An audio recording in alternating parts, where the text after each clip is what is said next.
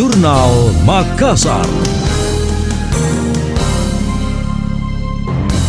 Kementerian Pemberdayaan Perempuan dan Perlindungan Anak menunggu DPR mengesahkan rancangan Undang-Undang RUU Tindak Pidana Kekerasan Seksual TPKS. Hal itu disampaikan Menteri Pemberdayaan Perempuan dan Perlindungan Anak P3A I Gusti Ayu Bintang Darmawati Puspa Yoga saat berada di Makassar. Sejauh ini pihaknya telah melakukan persiapan untuk melaksanakan RUU TPKS tersebut. Bintang mengatakan RUU TPKS merupakan inisiatif DPR dan pihaknya juga sudah merespon terkait naskah akademiknya.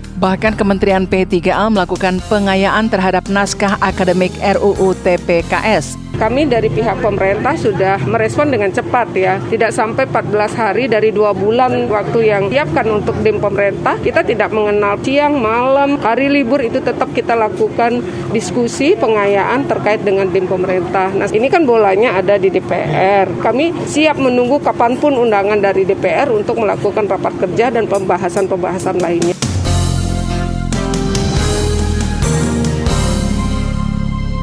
Di sisi lain, Menteri Bintang Puspa Yoga mengatakan pihaknya berupaya mewujudkan mekanisme one-stop service melalui unit pelaksana teknis daerah UPTD PPA. Dia mengatakan UPTD PPA akan menjadi tempat pertama dalam penanganan kasus kekerasan terhadap anak dan perempuan, terutama terkait dengan kekerasan seksual. Bintang menambahkan keberadaan UPTD PPA di setiap provinsi akan mendukung implementasi RUU TPKS. Anda masih mendengarkan Jurnal Makassar dari Radio Smart FM.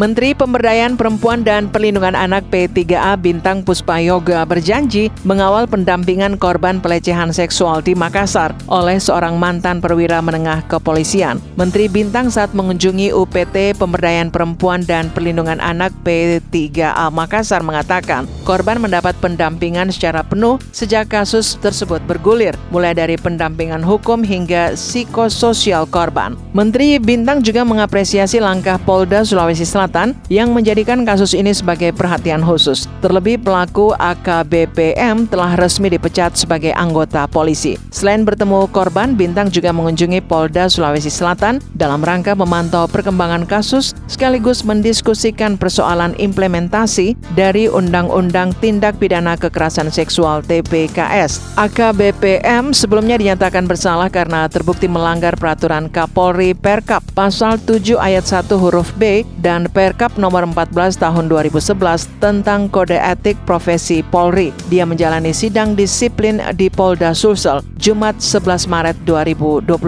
Hasilnya AKBPM dipecat dan kini menunggu persetujuan Kapolri berupa rekomendasi pemberhentian dengan tidak hormat atau PTDH.